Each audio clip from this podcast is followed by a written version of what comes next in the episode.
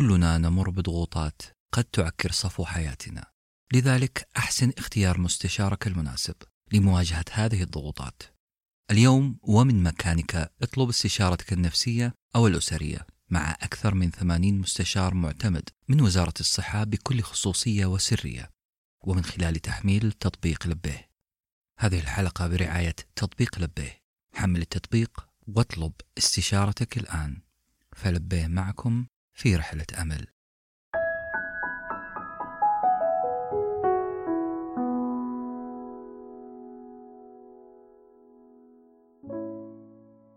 على رقعة التاريخ نلعب بأحجار عاجية فنعيد بها حبكة الماضي وأحداثه. وجبة من التاريخ البديل أقدمها لكم أنا بندر الفراج في بودكاست على رقعة التاريخ.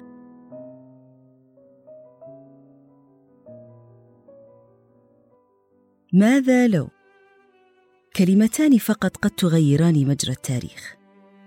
هل تخيلت عزيزي المستمع عزيزتي المستمعة شكل العالم لو فشل اغتيال الرئيس الأمريكي جون كينيدي؟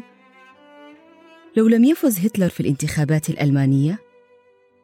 لو لم تظهر ثقافة البوب آرت ولم تقم ثورة الشاي في أمريكا؟ ماذا لو كان الملك هنري السابع عقيما؟ ماذا لو أصر ستيف جوبز على الاستمرار في ترهبه وابتعاده عن المدنية؟ ماذا لو غيرنا حدثا بسيطا من أحداث الماضي؟ هل سيحدث أثر الفراشة ويختلف الحاضر شكلا ومضمونا؟ نعم بل وسيتغير كل شيء تقريبا. الفرضيات عديدة والاحتمالات لا حصر لها. ولكننا متأكدون من أنه لو حصل واستمر ستيف جوبز في نزعته الرهبانية لما وجدنا اليوم كلمة بودكاست وقد لا يكون هناك بودكاست أصلا. فكلمة بودكاست ظهرت بسبب انتشار ثقافة الاستماع على أجهزة الآيبود والفضل يعود للراهب السابق ستيف جوبز.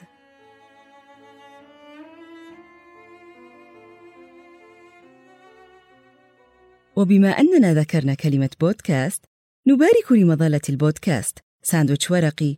وصول عدد الاستماعات فيها إلى عشرة ملايين استماع في تاريخ اليوم. وتحقيق رقم أربعة ونصف استماع خلال الاثني عشر شهرا الماضية فقط.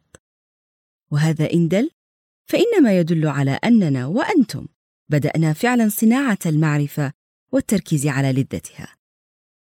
وها نحن نقدم لكم قائمة معرفية جديدة. صنعت بحب وخيال لتناسب ذائقتكم. بودكاست عن التاريخ البديل. في أول موسم ولن يكون الأخير. نقدم فيه وجبات بديلة للتاريخ العالمي بما فيها الحروب العالمية وأهم الأحداث في الولايات المتحدة الأمريكية. ونعدكم بأن نتناول أبرز ما حصل في تاريخ البشرية. فنعرف ما حصل ونحلل ما كان سيحصل لو غيرنا قليلا في أحجار الشطرنج. أو بالأصح لو اتقنا اللعب على رقعة التاريخ. دمتم بكل حب.